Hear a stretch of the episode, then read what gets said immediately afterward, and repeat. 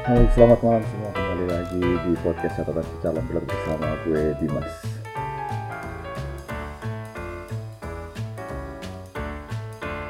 Selamat datang kembali di podcast ini. Bagaimana kabar kalian? Semoga baik-baik aja ya. Dan malam ini gue ingin menceritakan awal mula sebelum gue masuk ke sekolah penerbangan. Dan kita mulai aja ya ceritanya ya. Jadi awalnya tuh gue sama sekali nggak punya cita jadi apa-apa. Dan pada saat kelas 1 SMA, setelah gue jogging dengan bokap gue, bokap gue itu nawarin uh, ke gue kalau misalkan prospek menjadi pilot itu cukup bagus untuk ke depannya. Karena beberapa maskapai itu sangat membutuhkan pilot waktu itu. Dan kemudian gue pun cukup memikirkan uh, kesempatan yang diberikan oleh bokap gue gitu. Gue pikir-pikir, oh iya, mumpung gue nggak ada cita jadi apa-apa, gue jadi pilot dulu deh. Dan gue nggak nyangka cita-cita gue itu uh, kebawa sampai kelas 3 SMA. Jadi kelas 1, kelas 2, kelas 3 itu gue selalu kepikiran untuk jadi pilot, untuk jadi pilot. Tetapi setelah gue lulus SMA, gue kan sebenarnya udah ikut pendaftaran di sekolah pilot di Curug tuh. Dan gue telah melewati beberapa tahap seperti tes kebugaran jasmani kemudian ada tes psikotes juga dan gue udah melewati semuanya. Tinggal satu tes lagi yaitu kesehatan. Oh ya gue juga lupa nih. Gue juga sempat uh, melalui tes wawancara juga. Nah saat gue menunggu tes kesehatan ini gue juga mendaftarkan diri di sebuah universitas di Depok. Gue udah keterima di universitas di Depok itu. Dan gue mengadakan semacam diskusi dengan uh, bokap nyokap gue.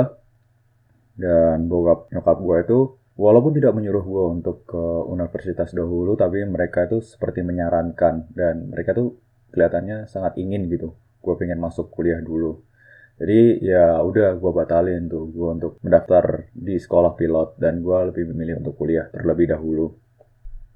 Dan semasa di dunia perkuliahan, gue pun melakukan aktivitas yang sama dengan mahasiswa-mahasiswa lainnya seperti ikut organisasi, kemudian ikut menjadi panitia sebuah acara, kemudian ikut mengospek mahasiswa baru, ya samalah seperti mahasiswa yang lain.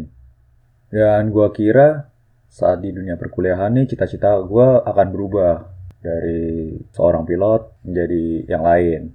Waktu itu belum tahu untuk menjadi apa. Dan sedihnya saat di pertengahan kuliah nih, gue mengalami sebuah musibah di mana uh, bokap gue telah tutup usia di saat gue berada di tahun ke-4 kuliah. Sorry, tahun kelima kuliah. Dan saat-saat itu gue udah memikirkan bahwa eh, cita-cita gue kayaknya gak bakal tercapai nih. Kayaknya ya udahlah. Dan yang gue kagumi waktu itu ternyata bokap gue udah menyiapkan uh, biaya untuk gue sekolah pilot. Dan gue akhirnya dan gue akhirnya uh, memiliki semangat lagi nih untuk menjadi seorang pilot. Tapi sayangnya setelah gue selesai dengan uh, skripsi gue, dengan sidang skripsi gue, ternyata kampus gue, di mana gue adalah mahasiswa internasional, kampus gue menaikkan standar untuk IELTS, di mana itu menjadi syarat kelulusan.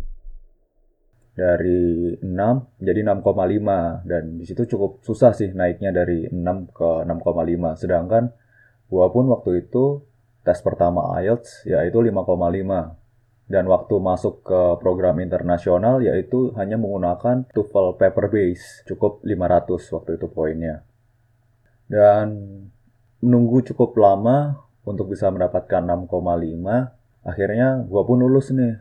Gue pun lulus dapat 6,5 dan gue lanjut dan gue bisa wisuda akhirnya. Dan setelah wisuda gue pun mencari di mana sekolah pilot yang baik.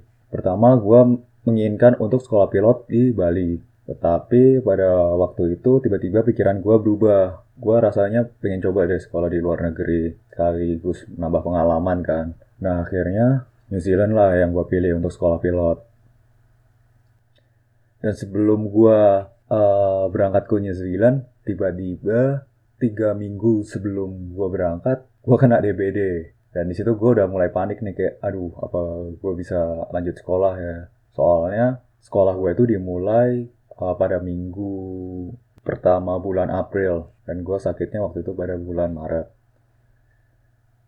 akhirnya gue sembuh dan seminggu untuk uh, rehat kemudian akhirnya berangkatlah gue ke New Zealand dan ya yes, di sinilah gue menjalani uh, masa-masa pendidikan di sekolah penerbangan di New Zealand. Bagaimana cerita tadi? Semoga bisa menemani hari kalian dan semoga bisa menghibur kalian ya. Terima kasih telah mendengarkan podcast gue malam ini. Gue Dimas, sampai jumpa di episode berikutnya di catatan si calon pilot.